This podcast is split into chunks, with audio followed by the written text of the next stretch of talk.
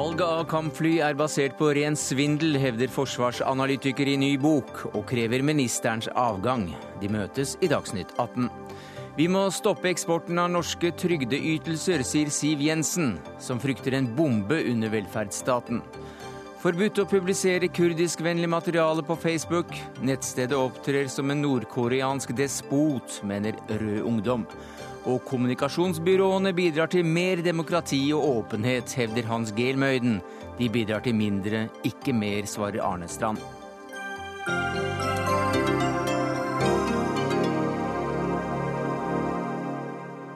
Ja, Det er noen av sakene i Dagsnytt 18 denne mandagen, hvor vi også får med at Audun Lysbakken er politianmeldt for korrupsjon. Men vi begynner med Frp og resolusjonen fra landsstyret som sier ja til arbeidsinnvandring, nei til velferdseksport. Og hva mener dere med velferdseksport, leder i Frp, Siv Jensen? At vi er i en situasjon hvor stadig flere hva skal vi kalle de, velferdsflyktninger eh, kommer til Norge. Eh, vi har gode eh, velferdsordninger i Norge, og det er ikke det som er problemet, for de vil de fleste av oss ta vare på. Men når et helt Europa får tilgang til dem, som også er påpekt av medlemmer av Brochmann-utvalget, så kan det by på noen utfordringer. Da må vi ta en debatt. Og jeg sa også i min tale til landsstyret at vi har ikke alle svarene. Og det er ikke noe vits å prøve å være skråsikker på hvordan man skal løse dette. Men vi må ta debatten. Og det som nå skjer, er altså at den norske regjering med viten og vilje velger å ikke videreføre overgangsordninger for Bulgaria og Romania. Mens f.eks. Nederland, som er veldig sammenlignbart med Norge i den situasjonen vi står i, viderefører det. Så når et EU-land som Nederland kan videreføre en overgangsordning, så er det ikke hold i regjeringens påstander om at de ikke kan gjøre det. Ja, Hva innebærer dette? Det innebærer jo at det også blir fritt frem for bulgarere og rumenere i den tiden vi nå er i. Og vi ser jo allerede innslag av det i særlig Oslos gater. Som ikke akkurat bærer bud om arbeidsinnvandring, men om tigging. Og det trenger vi ikke mer av. Da må vi ta en grundig debatt på hvordan vi skal kunne hegne om velferdssamfunnet Norge. Uten at det betyr at man automatisk får tilgang på dem. For det er jo problemet det er jo at man egentlig ikke trenger å arbeide en dag eh, ankommet i Norge, men man får tilgang på enorme eh, velferdsordninger.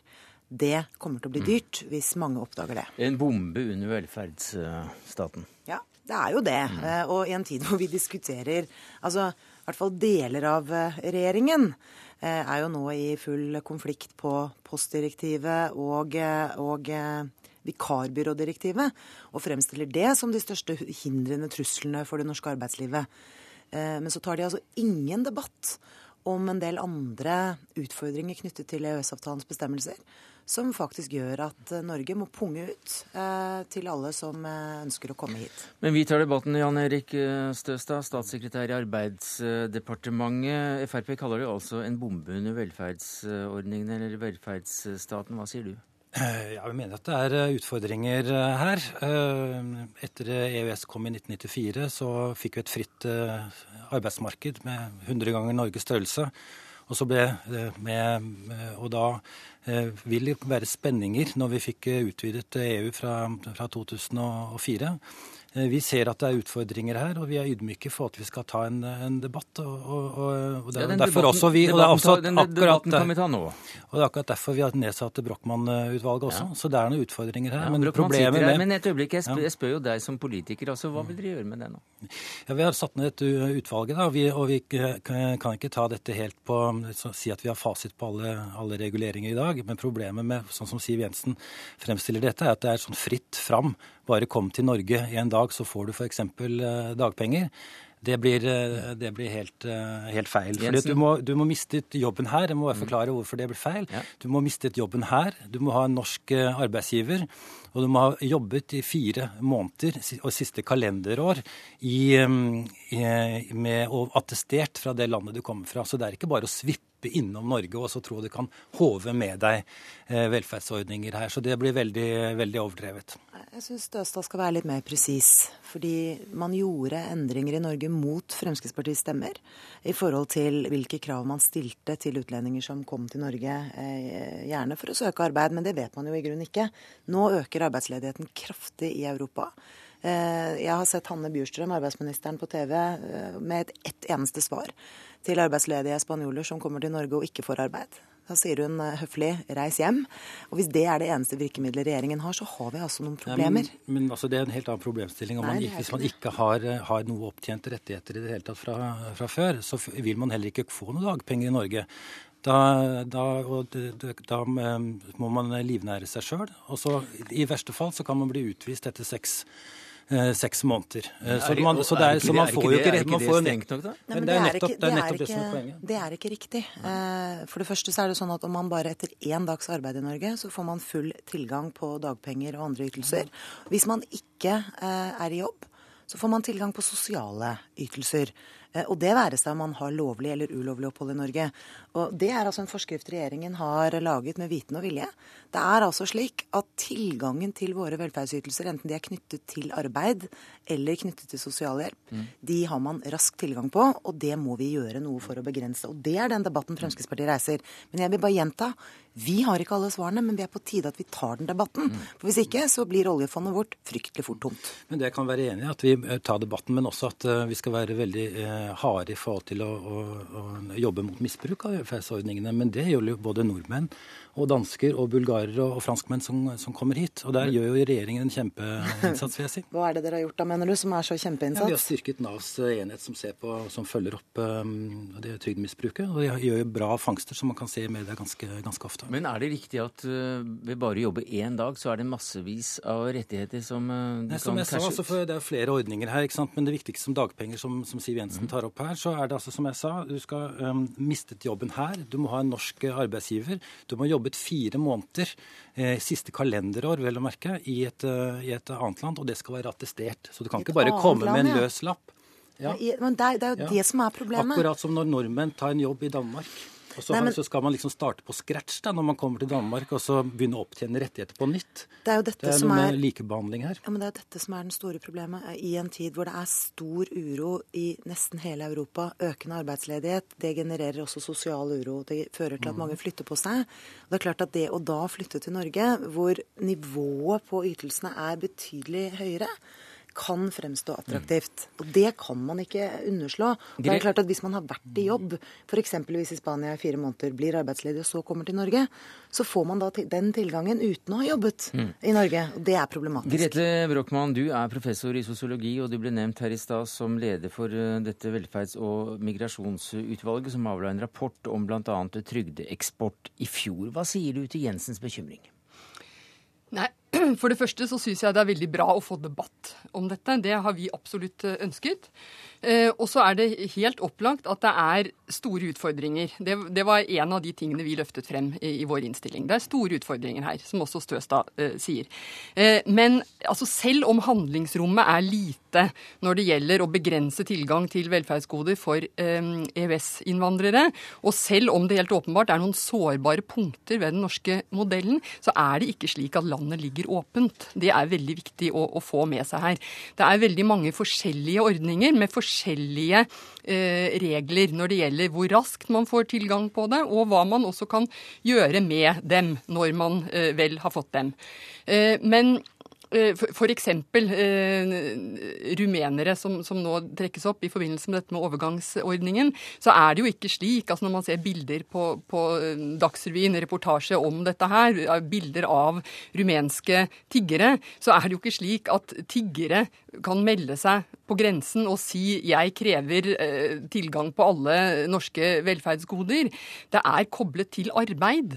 Og det er jo litt søkt å skulle konstruere en situasjon hvor, hvor man målbevisst kommer, jobber i én dag. Da skal man vel å merke ha hatt med seg opptjening som da er dokumentert, som Støstad sier, fra, fra hjemlandet. Så skal man da få tak i en lege, man skal få en, en varig sykmelding f.eks., og så videre. Altså hvis det er sykmelding det, det er snakk om. Um, og, og, så skal man ta med seg hele den til hjemlandet, og så leve høyt på det. Altså det, det er jo ikke helt slik i praksis, men, men ikke dermed sagt at det ikke er store utfordringer i mm. dette feltet. Og det er, det er sårbarheter i modellen vår. Men det er søkt? Nei, jeg syns ikke det. Det er også en grunn til at et land som Nederland velger å videreføre den overgangsordningen som regjeringen i Norge vil ta bort. det gjelder eksplisitt Romania og Bulgaria. Vi har altså eh, den samme muligheten som nederlenderne har til å videreføre den ordningen i to år til. Eh, så kan man jo vurdere hvorvidt det er vel. Vi sa at vi ikke trodde Polen kom til å bli en utfordring heller, men det har det altså tidvis blitt. Eh, og en økende utfordring i den situasjonen vi står i. Og det jeg ikke forstår, er at når vi nå er, har Brochmann-utvalgets eh, rapport på høring, regjeringen nøler med å iverksette nye tiltak, så skal de altså ytterligere liberalisere regelverket. Når andre land viser at det er mulig å utfordre dette innenfor EU. Kunne man ikke gjort det, da? Altså forlenge denne ordningen, som jo da gjør at man får større restriksjoner på innvandring fra disse landene? Neppe hadde Norge klart det. For at det skal være alvorlige forstyrrelser på det norske arbeidsmarkedet dersom vi skulle få gjennomslag for eh, dette. Og det er et, i hvert fall i forhold til ser til sør i Europa. Og det er flere land enn Nederland også, for så vidt. Men, men arbeidsmarkedene der er helt annerledes enn i, mm. i, Norge. Så jeg tror ikke vi ville fått gjennomslag for det. I tillegg, og kanskje viktigere, så er det disse overgangsordningene Det er jo ikke noe sesam sesam for å, uh, lage noe, for å liksom demme opp for eventuelt misbruk på trygd. For du kan jo komme inn allerede. For at, nei, kan jeg bare få svare på det? Nei, ikke, uansett, nei, uansett. Få nei, altså, uansett så hadde det ikke vært mulig å, å forlenge eh, overgangsordningene mer enn to år til. og Da ville vi vært i akkurat samme situasjon etterpå. Men jeg tror Støstad har rett i det skal så mye til for et land som Norge å få eh, godkjenning for ytterligere to år på overgangsordningene her. at det er, det, er ikke, det er, ikke, helt sannsynlig at det hadde vært gjennomslag for det. Men et veldig viktig poeng her er jo at eh, dette med muligheten til eksport av velferdsgoder, det er jo ikke bare et onde. Altså det, det er jo på plass for at man skal øke øke fleksibiliteten i, i, arbeidsmarkedet internasjonalt. Og det gjør jo at Norge er mer attraktivt som et innvandringsland for arbeidskraft man ønsker seg, når folk mm. kan faktisk eh, opparbeide seg rettigheter som de kan da, ta med seg Da sluttet vi med oppsida av den historien. Takk være deg, Grete Brochmann, professor og instituttleder ved Institutt for sosiologi og samfunnsgeografi ved Universitetet i Oslo. Jan Erik Støstad, statssekretær i Arbeidsdepartementet, og til Siv Jensen, partileder i Frp. Takk skal du ha.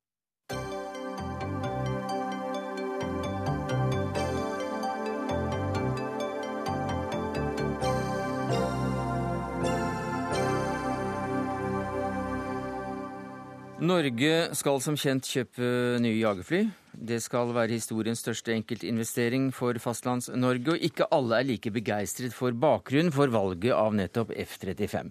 I boka 'Kampflyene som bomber forsvarsevnen' så skriver du, forsvarsanalytiker Jon Berg, at tallene eh, beslutningene da er fattet på, er manipulert. Og du snakker om ren svindel, og at daværende statssekretær i Forsvarsdepartementet, Espen Barth Eide, nå statsråd i samme departement, må gå. Og la oss eh, ta det første først, med håp om å ikke drukne helt i detaljer. Eh, hvordan ble tallene manipulert, ifølge deg? Jeg bygger her på et svensk dokument det er skrevet av Saab, og det fremgår at det er skrevet med den svenske regjeringens eh, vitende og forståelse. Der står det at man kjørte simuleringer i Sverige der det fremgikk at det svenske flyet klarte alle norske krav og var billigst. Deretter dro nordmennene hjem, står det i dette dokumentet, og endret spesifikasjonene på det svenske flyet. Og slik fikk man det til at flyet ikke klarte alle kravene, og fremfor alt at det var dyrest. Spesielt det siste er eh, et veldig viktig poeng her. For det man i realiteten gjorde der, det var å tredoble prisen på det svenske flyet for å få det til å se ut som om det var dyrest. Dette kaller du manipulasjon og ren svindel? Ja. Og, og, og svenskene kaller det det. Og, og, du mener eh, at den som er mest ansvarlig her, det er mannen som sitter ved siden av deg? Ja, han eh, ledet jo da eh, kampflyanalysen den gangen. Hadde, det er vel riktig å si han hadde den politiske ledelse av den. Det jeg skriver, er at dette må granskes. Mm. For man kan ikke ha en Altså, dette var et en anbudskonkurranse, og så tredobler man prisen til den ene anbyderen for å få det til å se ut som han har dyrest.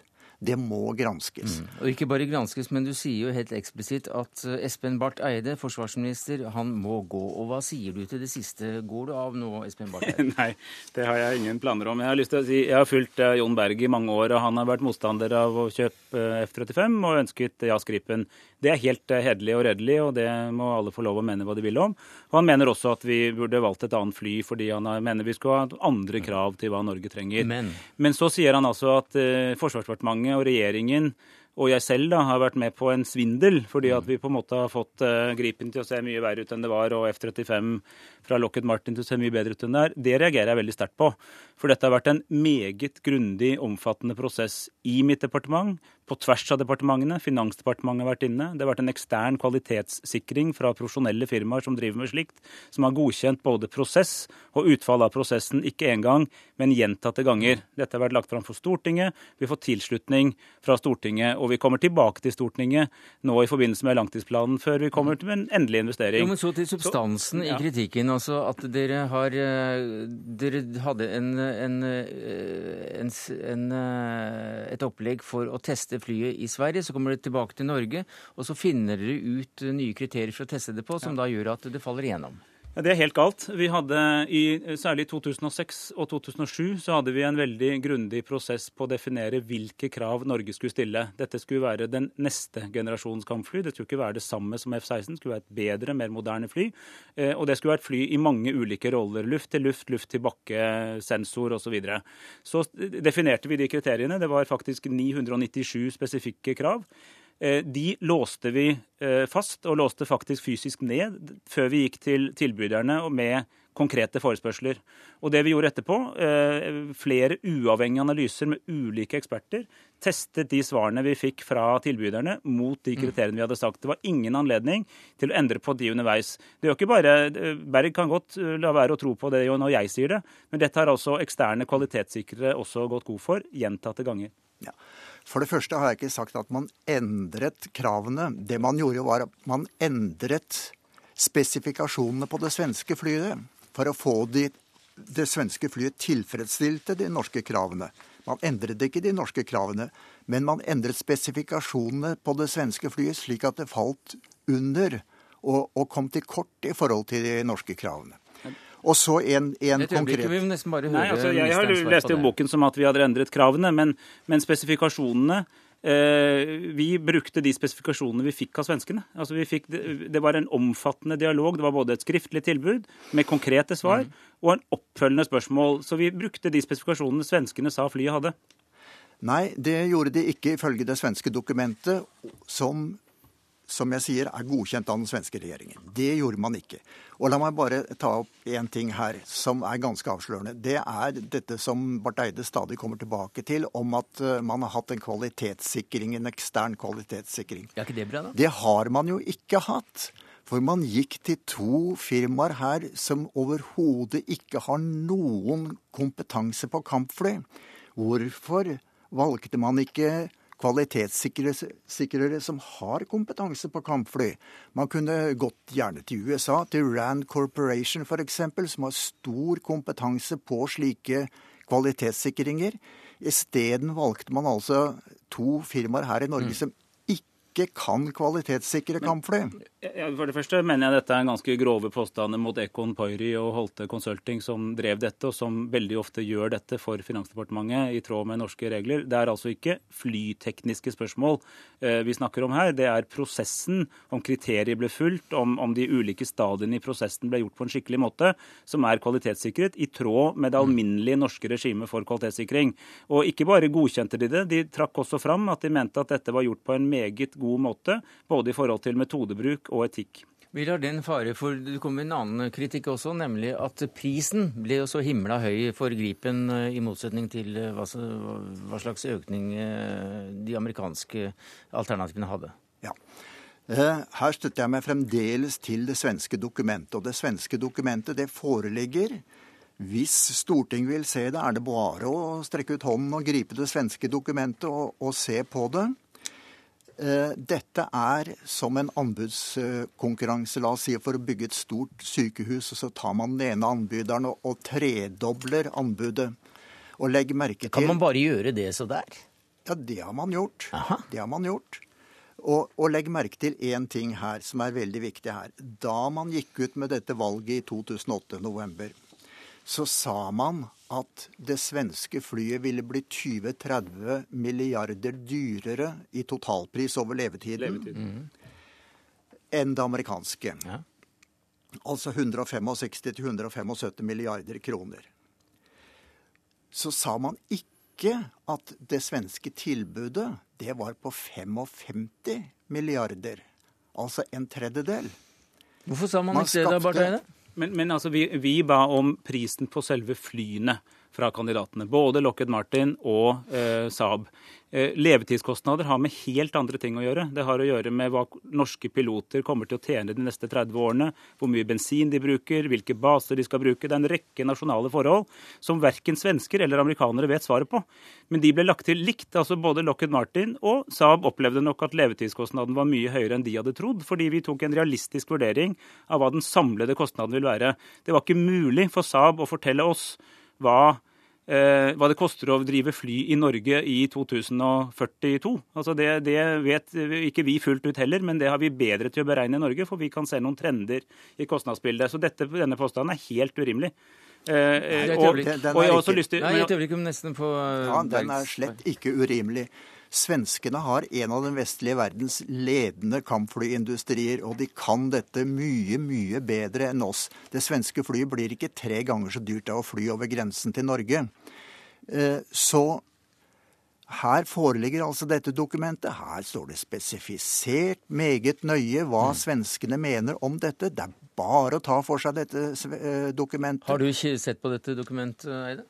Men, men er, jeg, altså jeg, jeg, tror jeg vet hva Berg viser til, men vi har aldri, altså det er helt urimelig å si at produsenten skal si hva nasjonale kostnader er. Hvordan skulle Saab vite hva det koster å drive en flybase i Norge om mange år? Og hvordan skulle Lockheed Martin vite det? Dette er tall vi har lagt til likt på begge kandidatene. Det som derimot var en stor og viktig forskjell, er at det å operere et fly som veldig få andre har, er betydelig dyrere basert på erfaring enn å operere et fly som mange andre har. For det betyr at en stor del av videreutviklingen faller på de få brukerne. Det var en av grunnene til at levetidskostnadene for Gripen ble mye høyere enn for et fly som vi regner med blir produsert til flere tusen eksemplarer. Jon Berg, forsvarsanalytiker, mannen bak eh, kritikken av departementets beslutning om å kjøpe de amerikanske flyene, kommet med boka 'Kampflyene som bomber forsvarsevnen'. Takk skal du ha. Vi skal holde oss til det militære. For eh, Nato er ikke det det en gang var. Så eh, Barth Eide, du må bli sittende. Europeiske land kutter nemlig stadig i forsvarsbudsjettene sine, og USA er lei av punge ut for forsvar av land som selv ikke vil være med på å betale regninga. Asle Toje, utenrikspolitisk forsker ved Universitetet i Oslo. I kronikken din 'Livet etter Nato' i Aftenposten på fredag, så åpner du med et sitat 'Den transatlantiske alliansen er død'. Ja, dette er noen ting som man har hvisket lenge i korridorene, eh, spesielt i Washington. Amerikanerne har gått trett av å betale for en allianse eh, hvor eh, partnerne, spesielt i Europa, ikke er villige til å bære sin del av byrden. Og vi har sett en gradvis utvikling av at Nato beveger seg fra å være en kollektiv forsvarsallianse og i retning av å bli et politisk-militært konsultasjonsforum. Ja, hva innebærer det? Det innebærer at alliansen ikke opptrer samlet lenger. Det vi så eh, over Libya, var at eh, 22 av alliansen 28, alliansens 28 medlemsland eh, valgte å sitte på gjerdet. Eh, og det åpner et spørsmål i forhold til artikkel 5, eh, som jo er den delen av Nato som eh, de europeiske allierte er mest interessert i, altså da sikkerhetsgarantiene til deres eh, territorielle integritet. Så hvis et land angripes, så er så, det Så kommer alle de andre eh, og, og, støtter opp militært. Eh, og det har det nå blitt eh, stilt spørsmålstegn om hva eh, betyr artikkel 5 nå etter den kalde krigen. Eh, sist gang det, Den eneste gangen den ble, ble brukt, var 12.9.2001. Og da var det i form som en politisk støtteerklæring til USA. Espen Barth Eide, fremdeles eh, forsvarsminister i, eh, i arbeid, for Arbeiderpartiet. Eh, hva tenker du om, eller hva sier du til, til, akkurat dette med at Nato endres til de grader nå? Altså, jeg mener at Asle Tøye har skrevet en veldig god kronikk som sier mye viktig. Jeg er jo, som du sikkert vil vente, ikke enig i at alliansen er død. Jeg mener den lever i og for seg i beste velgående, men det er ganske store endringer som skjer nå. Ikke minst fordi Nato nå forbereder seg på livet etter Afghanistan, og kanskje livet etter et 20 år men veldig hyppige, hyppige operasjoner som Nato. Eh, alle trender peker nå på at det er på vei nedover. Og Hva gjør alliansen da? Hvordan sørger vi for at alliansen holder sammen? Fra norsk side har vi vært veldig opptatt av å løfte fram igjen dette fokuset på artikkel 5, den kollektive garantien. Vi deltok jo i Libya tungt uh, sammen med Danmark og, og, andre, men det var jo ikke en artikkel 5-operasjon. uh, så, så, du kan ikke bruke, du kan si mye om Libya, men du kan ikke bruke som eksempel på hvordan det står til med artikkel 5. Men jeg vil likevel si at det å ta tak i dette nå i Nato og tenke hva er den felles det felles oppdraget, den felles misjonen i en ny tid, det er riktige og viktige spørsmål. Og det preger også diskusjonene i Nato, ikke minst i en tid hvor veldig mange allierte, både USA og mange europeere, heldigvis ikke oss, mm. kutter kraftig i forsvarsbudsjettene. Men vil Nato da være, være det svaret Norge trenger for eh, å sikre sin uh, uavhengighet som, som, eget land i framtiden? Det spørs. Uh, Nato har vist gjennom de 60 årene alliansen har eksistert, at den kan overleve en mer eller mindre hva som helst, unntatt én ting og det er at amerikanerne mister troen på Nato. Mm. Og det vi har sett nå, er at uh, med president Obama har rettet fokus mot Stillehavet. Det er der uh, han opplever at USA har sine største sikkerhetspolitiske utfordringer. At uh, Nato er primært en atlanterhavsallianse. Og i, og, i, den sammenheng så må man spørre seg hva nå for Nato? Når da de europeiske allierte har underfinansiert sine forsvarssektorer i så stor grad at uten, NATO, nei, uten USA så har ikke Nato noen reell kapasitet til artikkel 5-operasjoner. Vel, jeg mener at uh, det operasjonsfokus vi har hatt, det har gjort at uh, oppmerksomheten rundt artikkel 5 har blitt svakere enn den kanskje burde være. Og vi hadde en øvelse her i Norge i fjor som illustrerte at det har vært en viss forvitring i den kollektive evnen til å levere langs artikkel 5. Det har vi nå tatt tak i. Det er blitt mer forsvarsplanlegging, mer samarbeid om det, mer trening innenfor et artikkel 5-scenario, hvilket er bra. Men så er det jo riktig som Toje sier, at USA flytter nå fokuset mer mot Asia. USA reduserer sitt permanente nærvær i Europa. Det er forståelig. Jeg ville også gjort det hvis jeg var amerikaner. For det er faktisk i Asia den virkelig de store geopolitiske spenningene nå er. Men desto viktigere er at vi tar vare på hyppig øvelsesmønster, eh, gode kontakter, nære bånd både til enkeltallierte og til hele alliansen, og at vi samarbeider om rasjonelle fellesløsninger for å møte den utfordringen som ligger i at så mange kutter i budsjettene. Men vil, vi står... vil Nato fremdeles være en garantist for, eh, for norsk ja, sikkerhet? Jeg mener det. Eh, og, og, det er helt riktig at det er en essensiell forutsetning i vår forsvarsplanlegging. Men det er også slik at vi, i motsetning til f.eks. Danmark, har lagt vekt på å beholde en balansert nasjonal forsvarsevne. Vi, også, vi hadde nettopp en debatt om kampfly. Når vi, kjøper, vi, vil ha de beste kampflyene, er det fordi at vi skal ha også en selvstendig evne til å møte en hvilken som helst eh, utfordrer mm. før vi ringer Nato. Derfor har vi beholdt ubåtvåpenet, derfor har vi kjøpt nye fregatter. Så vi investerer altså i den skarpe enden. Litt fordi det kan være oppgaver som det vil for å si det sånn, ta tid før Nato mm. engasjerer seg. Du, eh, Toye, du skisserer også et alternativ. Eh, bare for å ta det med en gang. Eh, Norge har langt på vei lagt ned invasjonsforsvaret. Eh, beredskapen i nord er bare reell to ganger tre eh, eh, måneder i året. Eh, Norge har veldig liten kapasitet til å forsvare sitt eget territorium. Men hva er alternativet til Nato? Det er ikke et alternativ til Nato, slik jeg ser det. at Vi, må, vi bør plusse på eh, Nato-tilknytningen gjennom å søke en bilateral topartsavtale med amerikanerne, som klart, gjør, gjør klart hvilke, hva vi kan forvente av støtte fra amerikanerne dersom det skulle trengs, og hva som amerikanerne kan vente fra, fra oss ja, som sine allierte. Hva innebærer det? Det, eh, Norge er i en spesiell situasjon pga. at vi har store landområder, vi har store havområder, og vi har en øygruppe i nord som ikke alle andre land i verden har samme syn på som oss når det gjelder suverenitet. Og Derfor er det viktig at Norge har sterke allianser hvor det ikke er noen uklarhet om hvem som, eh, hvem som er i vårt hjørne, dersom det skulle komme til at noen eh, ja. Jeg er ikke uenig i det, for det har alltid vært sånn at i tillegg til Nato har vi hatt spesielt nære bilaterale bånd til enkelte, inkludert USA, også til noen andre land, Storbritannia, Tyskland, eh, Nederland, og også de nordiske land.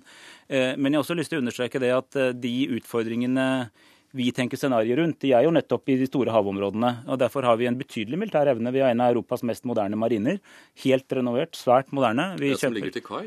Nei, den gjør altså ikke det. Den seiler ganske mye. Og, og den har en kapasiteter som går langt utover det vi har. Vi har det høyeste forsvarsbudsjettet per innbygger i Europa. Dobbelt så mye som Danmark, f.eks. Men, men, men, men, men, la den fare, la den fare den uenigheten der. For det var akkurat dette med sikkerhetsmessig allianse med, med USA. Hva sier du til det som et tillegg til eh, Nato? Jeg er ikke tilhenger at vi lager formelle allianser utover Nato, for da sier vi at Nato-alliansen ikke er det vi ønsker at den skal være. Eh, vi mener at artikkel 5 er en sterk og tydelig politisk forpliktelse. Men det er veldig viktig å sørge for at viktige allierte er til stede, at vi deler viktige erfaringer, inntrykk, eh, etterretning med dem f.eks. Mm. Og det er noe vi gjør i stor skala med f.eks. amerikanerne. Men det er veldig viktig det jeg sier om at vi har altså satset ikke på en stor hær, men på mm. tunge, relevante kapasiteter under havflaten, på havflaten, i luften, eh, og en solid etterretning også opp mot nord, nettopp for å ha gode nasjonale kapasiteter, mens andre land har lagt nesten alle eggene i en mm. utenlandsoperasjonskurv. Men, men, men helt, helt, kort her. altså du får jo de signalene uh, inn fra dine kollegaer i, i, i, USA. Bekymrer de holdningene, endringene i holdningen til Nato seg? Bekymrer det norsk forsvarsminister? Vel, altså, du kan si at Hele Nato har noen utfordringer eh, som vi deler. Eh, jeg opplever at det amerikanerne, særlig under Obama og Panetta, driver med, er veldig riktig og fornuftig. Og Så det bekymrer deg ikke? Nei, for jeg opplever på en måte at den, det, det, permanente nærværet vi har vært vant til tidligere, blir erstattet med et mer dynamisk nærvær, altså hyppigere øvelser, nærværbesøk, bl.a. i Cold mm. Response, mm. som er en stor øvelse vi skal ha om en måned med et betydelig større amerikansk nærvær enn vi har hatt på lenge. Takk skal du ha, Espen Barth Eide, forsvarsminister, og Asle Toje, utenrikspolitisk forsker ved Universitetet i Oslo.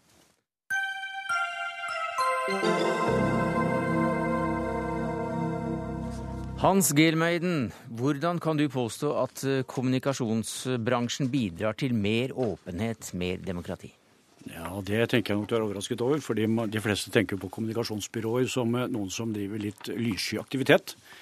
Eh, men nå har jeg drevet med det som kalles lobbyarbeid. Vi kaller det medvirkning i 23 år. Eh, og jeg ser at vi kan bidra til å åpne prosesser.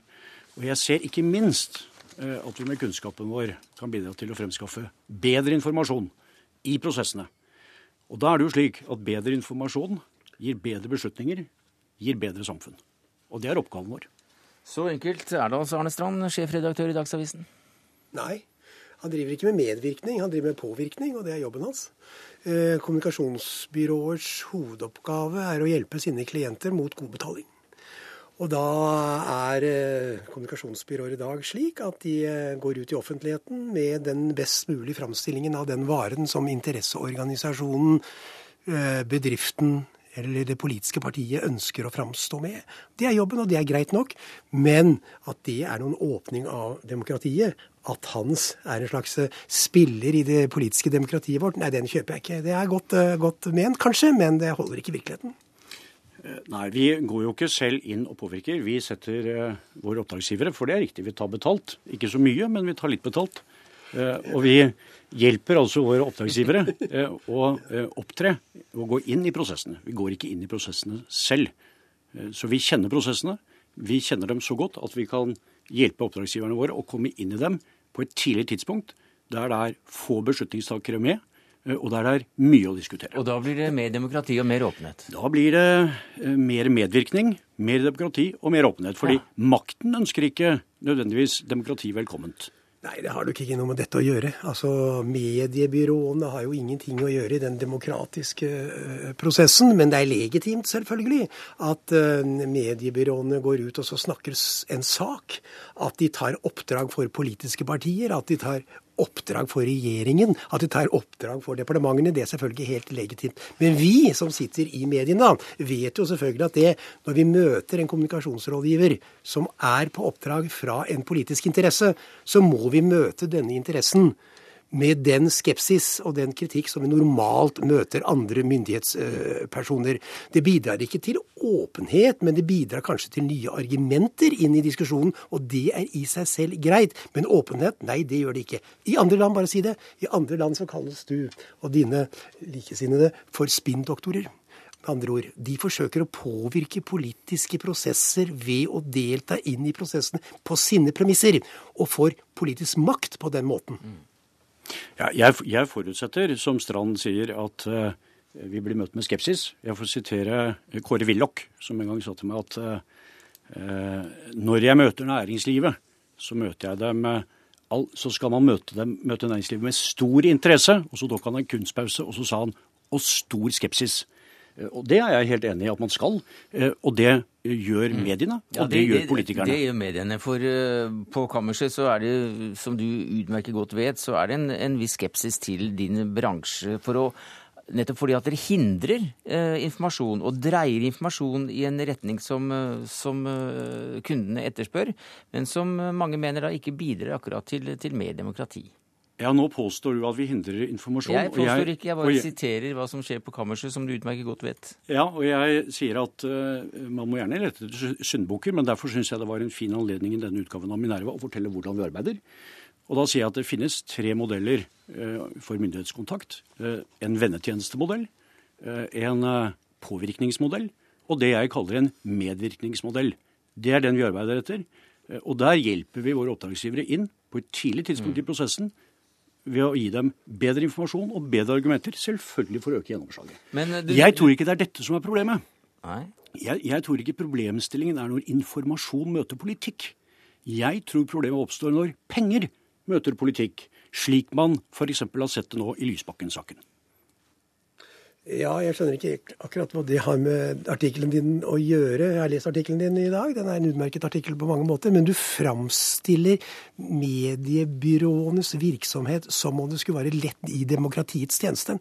men det er vel mer ledd i den måten som kommunikasjonsrådgiverne nå forsøker å fremstille seg for i samfunnet. Fordi dette, dette, er det nye omdømmet. For det gamle omdømmet om at dere var ute bare for å selge inn noen standpunkter og prøve å få de igjennom slik at de blir tatt hensyn til i det politiske miljøet, den holder ikke lenger. Dette er den moderne måten å gjøre det på.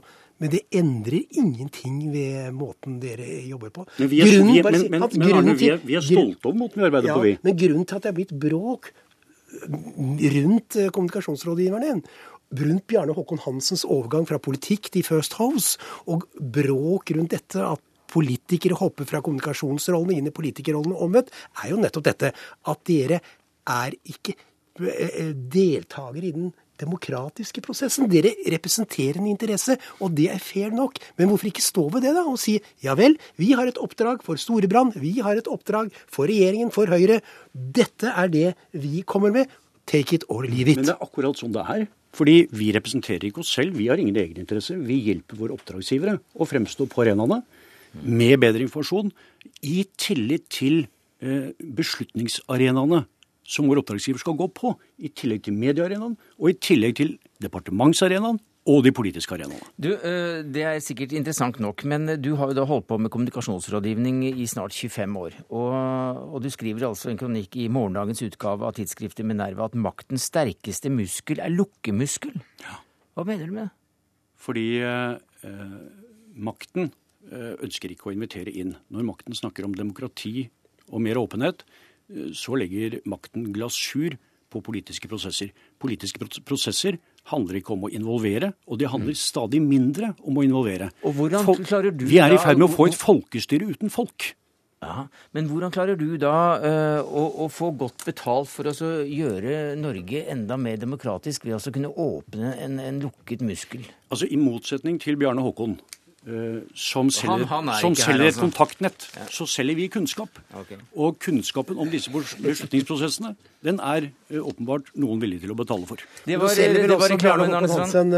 kunnskap, det var det som er poenget. Bare helt til slutt. Mm. Men det er en god formulering du hadde der. Men etter at departementene ansatt, etter at departementene ansatt en masse kommunikasjonsrådgiver ja. i, eh, i, på kontorene sine, ja, så ble departementene mye mer lukket enn de var. Det var det vi rakk. Det er også en annen debatt. Takk skal du ha, Arne Strand, sjefredaktør i Dagsavisen, og Hans Germeiden, partner i Germeiden Kise og tidligere redaktør i Morgenbladet.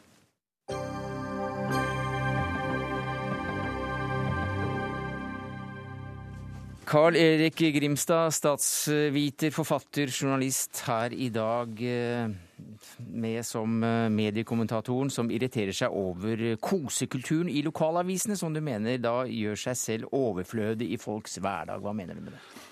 Så Bakgrunnen for dette var at min lokalavis, Tønsbergs Blad, eh, hadde en, et bilag over 27 sider med hilsener på morsdagen. Fra folk. Og det var pene bilder og sikkert hyggelige damer og hyggelige mødre og masse unger som hilste til mor. Ja. Og, og, jeg syns at det er feil bruk av, av ressurser i en, i en, lokalavis. Rett og slett fordi det er for mye kos. Og, for, og, fordi det åpenbart går på bekostning av annet og viktig stoff som kunne vært tatt opp i, i avisene. Som eh, jeg godt kan gi eh, Tønsbergs Blad-redaktør eh, en smørbrødliste på, men, men, altså som han heller velger å prioritere da, i, i retning av å, å, å, skrive søtt om mødrene i, i, distriktet. Og dermed så er man i fare for å overflødiggjøre seg selv? Ja, og dessuten er det dårlig, dårlig økonomi i dette her. Det er åpenbart ikke der vi har noe å hente på å, å gjøre avisene lesverdige. Leserne fortjener bedre enn dette her. Håkon Borud, du er ansvarlig redaktør i Tønsberg Blad. Leserne fortjener bedre? Ja, jeg har sagt det hele dag at det er første gang i min redaktørgjerning at jeg har fått kjeft fordi jeg er for hyggelig. Eh, vanligvis så får vi jo kjeft fordi vi er for kritiske og driver for mye med gravende journalistikk. Eh, hvis, vi, hvis, vi, går forbi morsdagsbilaget, da, som jeg mener man må være rimelig surmaga for å ikke tåle én dag i året Hvorfor skal du gå forbi den? Altså, det var 27 sider med morsdagshilsninger. Ja, og det viser vel litt om engasjementet. Vi inviterer eh, vårt lokalmiljø om å sende en hilsen til mor, og lover å sette det på trykk. Ja, Hva er galt med det, da, hvis du eh, absolutt vil hoppe over det? Nei, men, jeg, men det jeg mener altså, det mer grunnleggende i, i Grimstads kritikk er vel at, sånn som jeg opplever det, er vel at han ønsker en mer grundig, faktaorientert eh, journalistikk i kampen mot eh, lesernes eh, likegyldighet. Og nettopp derfor syns jeg så er oppsiktsvekkende at uh, kritikken fra Grimstad er basert ikke på fakta, den er basert på synsing. Og den er basert på synsing som viser at det er veldig lenge siden Grimstad var i lokaljournalistikken. Og, kan, og i forhold til dette med likegyldigheten, da, som Grimstad er opptatt av, så måler jo vi dette mm. hele tiden. Grimstad? Ja, Hvis vi for en gang skyld ikke kan diskutere meg nå, men altså det jeg sier, så, så dreier ikke dette seg bare om synsing. For det dreier seg faktisk om det jeg mener er en systemfeil i disse lokalavisene. Og, det, og den oppsto den dagen Eh, en avis som f.eks. Tønsbergs Blad ble eh, den avisen som ble rådende i regionen. Da tok man på seg det store vi, som Helge Krogh eh, kalte det, og ble altså en sånn koseavis. Ble en avis hvor lokalpatriotismen overtok for det, den skarpe politiske pennen. Man tapte Vestfold Arbeiderblad, og dermed så, så, så, sank man inn i likegyldigheten. Og man, man mangler, konkur man mangler konkurranse. Dette og man, står, man står ikke på og leter de stedene der hvor det er nødvendig å lete for å få frem gode saker. Men igjen, Grimstad, dette er synsing. Det er faktisk ikke sånn at våre lesere er likegyldige. De er mer engasjerte enn noen gang, og det har vi helt klare målinger på. Siden 2005 har vi jobbet systematisk mot det som er helt enig med deg, at likegyldighet er farlig i vårt samfunn. Og det er to måter å gjøre det på. Det er å juble for våre lokale helter og vårt eh, lokale næringsliv og våre, alt, alt, som er lokalt. Gjerne lokale mødre når det er nødvendig. Og så er det å drive kritisk journalistikk når det er nødvendig. Og vi har aldri brukt mer penger på kritisk journalistikk i Tønsbergsbanen enn det vi har gjort nå. 2,5 millioner kroner brukte siste siste ordentlig, skikkelig dype graveprosjekt vi hadde i Tønsbergs Blad? Ja, det er jo faktisk et, et, tall jeg ikke har noen, til, muligheter, til å, noen muligheter til å kvalitetssikre. Jeg, jeg, jeg, tviler på det. og jeg, som sagt, altså det, er, det er en rekke felt i, i, dette lokalsamfunnet mitt som jeg mener er uh, oversett, og som, burde vært, uh, som burde vært gjort mye mer med. Og Det verste med det hele er at jeg tror dette gjelder veldig mange andre aviser også. Men før vi går over til det mer generelle, så, så er det vel rart at redaktøren her ikke har påpekt på at dere har vel faktisk vunnet priser for gravende journalistikk? Ja, jeg rakk det ikke før du sendte eh, debatten videre. Det er i hvert fall altså, to Scoop-priser. Vi har vunnet eh, flere, flere nasjonale priser de siste årene. Og, men det, men, men, men, vi, vi, vi, må nesten videre ta det, litt generelt, for det Grimstad et øyeblikk Ja, men det var jeg som avbrøt, og det er jeg som er programleder. sånn at jeg får eh, nesten komme over til at dette, denne kritikken mot Tønsberg Blad altså Du sier jo selv, Grimstad, at du nikoser deg du med, med den avisen. og det er en av de du leser hver eneste dag fra, fra hjemmet ditt på, på, tilbaketrukket på Tjøme. Men, men, du trekker også linje videre til, til, til småavisene, lokalavisene generelt. Ja, altså jeg mener at dette var noe som oppsto i en situasjon hvor, eh, hvor nummer to-avisene jevnt over forsvant mm. i, i, dette landet, hvor man ikke fikk den konkurransen vi en gang, en gang hadde. Og, og, dette store vi, det er, mer enn, det er mer enn et litterært grep. Altså. Det er et eller annet når man tar på seg en kappe som skal gjøre alle til lags, og, og, og resultatet av det er likegyldighet. Men er ikke kos kos? Ja, ja, kos er greit. og er, altså Jeg har jo også jobbet i lokalavis og vet at det er viktig med lesekontakt og alt det der. Men, og, og jeg har også kjempet mot alle de som, som kom og sa at, at det er, det er, hvor, hvor, blir det av alle gladsakene? Vi har flere gladsaker, ja, mer kos. ikke sant? Men, ja. men, det er ikke der vi avisene har sin berettigelse. Det ligger ikke innenfor vårt samfunnsoppdrag som journalister. Men dette er jeg også enig i. Det er, det er, altså, samfunnsoppdraget ligger forankret i kritikk. Eh, og det, det, det, du, sier at Tønsbergs Blad er en, en, god uh, kritisk avis. Det, skulle bare mangle. Men dere får jo stort sett disse prissakene deres uh, på, på i fjøl òg, da. Og det gjelder nesten alle norske aviser som får priser. De får, får i form av tips fra leserne sine. Kritiske lesere for å si det sånn uh, igjen, det er altså synsing. Hvordan vi har fått disse kritiske sakene, det vet du ingenting om. Ja, Nå er det et forskningsprosjekt på gang, så vi får se. Vi ja, kan komme her om et par år igjen. Du, du, vet uh, ingenting om likegyldigheten til vår lesekrets. Det er en synsing som du gjør på generelt grunnlag i den norske avisverden. Og så har du valgt å bruke Tønsbergs Blad for, for, du bor i Orden nedgangsfelt. Det er greit. Det skjønner jeg veldig godt. Og vi er helt enige om én ting. Og Det er nemlig dette at det er den gode, grundige, faktaorienterte gravende journalistikken som er berettigelsen til lokalavisene. Men vi er ikke Morgenbladet. Ingen lokalaviser er Morgenbladet eller Klassekampen. Vi må komponere en avis som har en balanse. Og så er det en diskusjon hvor den balansen går, og der mener du vi har gått for langt. Jeg er helt uenig med deg, og jeg mener jeg har fakta som kan, som kan bevise det. Hadde det ikke vært for at jeg mener det er en rekke felt i, i Tønsberg-regionen som er oversett av dere i Tønsbergs Blad, så hadde jeg ikke sittet her nå. Takk skal du ha, Carl Erik Grimstad, mediekommentator, forfatter og journalist, og Håkon Boru, ansvarlig redaktør for Tønsberg Blad. Dagsnytt 18 alle hverdager klokka 18.03 på NRK P2.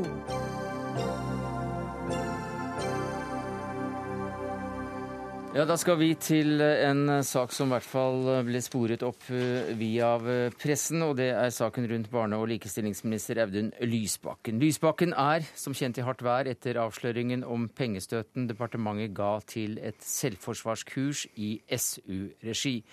Og i dag så har da venstrepolitiker Mikkel Doblaug fra Nord-Fron kommune politianmeldt Lysbakken for korrupsjon. Og hvorfor har du det, Doblaug? Jeg vil bare presisere at dette har jeg også gjort som privatperson, ikke som, eh, ikke som venstrepolitiker. bare for å ha det helt klart. Men det er jo, eh, grunnen til dette er jo eh, at utfallet i denne saken er to, to ting. Enten så har Audun Lysbakken ikke gjort noe galt, og Da er det veldig greit å få en eh, uavhengig tredjepart til å se på den saken, ellers så har han gjort noe galt. Det er slik at eh, Nå som eh, altså Stortingets kontroll- og konstitusjonskomité skal se på denne saken, så dreier dette her så veldig mange om politikk. Og jeg tror det er For den allmenne rettsoppfattelsen så er det veldig greit at en upartisk tredjepart som er vant med slike saker, går inn og ser på dette her og konkluderer istedenfor at man eh, nå uke eller dag etter dag etter dag har eh, ja, den situasjonen som, som, er nå. Men dette skal altså da opp i, i Stortingets kontroll- og konstitusjonskomité antakelig. Er ikke, Stoler du ikke på politikerne som venstrepolitiker? Ja, men altså, Det er ikke politikere som, som, skal, som, skal, som, skal, være domstoler i Norge og som skal drive med etterforsking. Etterforsking det har vi politiet til å gjøre. Og hvis det er noe som er galt, så har vi da påtalemyndigheten som skal ta ut tiltale. Eh, og det er den måten det må gjøres på, fordi at politikere kan ikke lage en sfære der de selv kan, eh, kan passe på sine egne. Og den, den, det tror jeg rett og slett det, det, rettsbegrepet tror jeg folk flest har litt problemer med. Eh, hvis du eller noen andre får slike alvorlige beskyldninger rettet mot seg, mm. så pleier Økokrim og, og påtale å være ganske raskt ute med å, å begynne å ja. se på saken. Eh, og hvis du da har gjort noe gærent, så nytter det ikke å legge seg flat. Da kommer eh, staten med alt det de har, og setter i gang. Takk skal du ha, Mikkel Doblaug, som da altså har anmeldt uh, Lysbakken til politiet. Magnus Takvam, politisk kommentator her i NRK. Hva sier du til det? Ja, jeg tror nok den anmeldelsen vil bli ganske fort eh, henlagt. Og eh, helt konkret så er, det jo, er jo det norske systemet slik at dersom en statsråd eh, i sin embetsførsel skulle ha eh, gjort noe som er eh, straffbart, så er det et helt eget system som trer i kraft med at kontroll- og konstitusjonskomiteen da iverksetter sine tiltak, og det blir riksrett osv. Er en statsråd strafferettslig ansvarlig i en privat sammenheng, så er det noe annet. Men her er det jo tross alt Lysbakkens embetsførsel mm. som er i, i søkelyset. Så det er Stortinget som er eh, det relevante organet for å, å ta opp dette? Ja, så Det er kontroll- og konstitusjonskomiteen som har som oppgave å gå gjennom saken. Skulle den komitébehandlingen avdekke at det etter et tilstrekkelig flertalls mm. mening er er strafferettslige forhold som, som, som kan, kan, bli vurdert videre, så skal de eh, sette denne ansvarskommisjonen etter ansvarsloven osv., som, er, som, som vi har som, som system, i, i, kraft. Og så må de eh, konkludere, og da blir det riksrettssak. Sånn er det. Men i morgen i første omgang så er det kontroll- og konstitusjonskomiteen som skal si hva? Ja, I morgen skal de ta stilling til om de skal åpne sak eh, om dette. Og eh, etter alt det som er blitt sagt den siste tiden, så, så det, eh, blir det ingen bombe eh, at de kommer til å, til å gjøre det. Mm. Men det kan nok ta en del tid, som vi har skjønt, før, før det blir satt to streker under svar. Takk skal du ha, Magnus Takvam, politisk kommentator her i NRK.